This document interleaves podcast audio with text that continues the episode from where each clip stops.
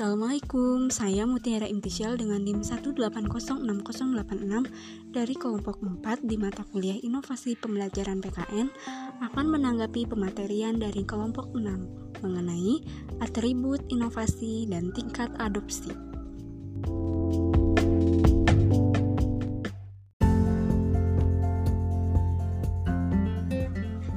Yang saya pahami dari materi ini yaitu bahwa cepat lambatnya penerimaan inovasi oleh masyarakat luas dipengaruhi oleh atribut inovasi itu sendiri, yaitu keuntungan relatif, kompatibel, kompleksitas, triabilitas, dan dapat diamati atau observability.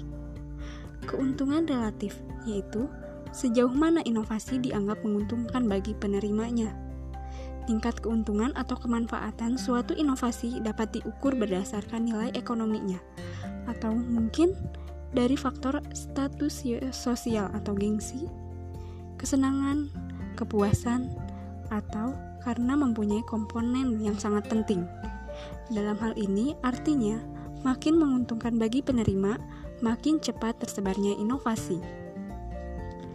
Selanjutnya, kompabilitas adalah tingkat kesesuaian inovasi dengan nilai atau values, pengalaman lalu, dan kebutuhan dari penerima. Dapat dipahami di sini ialah inovasi yang tidak sesuai dengan nilai atau norma yang diyakini oleh penerima tidak akan diterima secara cepat inovasi yang sesuai dengan norma yang ada. Perlu diketahui bahwa tingkat adopsi adalah kecepatan yang relatif di mana sebuah inovasi diadopsi oleh anggota dari sistem sosial. Hal ini secara umum diukur dengan banyaknya jumlah individu yang mengadopsi suatu ide baru dalam rentang waktu tertentu. Efek difusi adalah peningkatan kumulatif kekuatan pengaruh terhadap seseorang untuk mengadopsi inovasi atau menolak suatu inovasi dikarenakan pergerakan jaringan teman sebaya berkenaan dengan inovasi dalam suatu sistem sosial. Dalam hal ini, semakin banyak individu yang mempercayai suatu inovasi, maka akan semakin mudah inovasi tersebut diadopsi. Adapun mengenai adopsi berlebihan atau overadopsi adalah pengadopsian inovasi oleh seseorang ketika para ahli menganggap bahwa seharusnya individu menolak.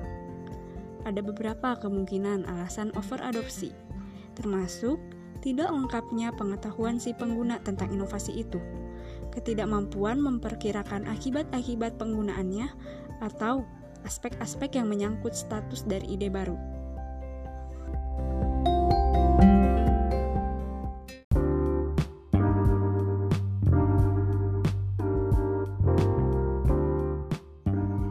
Setelah memahami gagasan tentang atribut inovasi dan tingkat adopsi, timbullah pertanyaan dari saya untuk kelompok 6. Menurut kelompok, adakah tata cara khusus dalam upaya menciptakan inovasi yang benar-benar dibutuhkan oleh masyarakat umum sehingga inovasi yang dibuat dapat diterima? Jelaskan. Segitu saja dari saya, kurang lebihnya mohon maaf. Wassalamualaikum warahmatullahi wabarakatuh.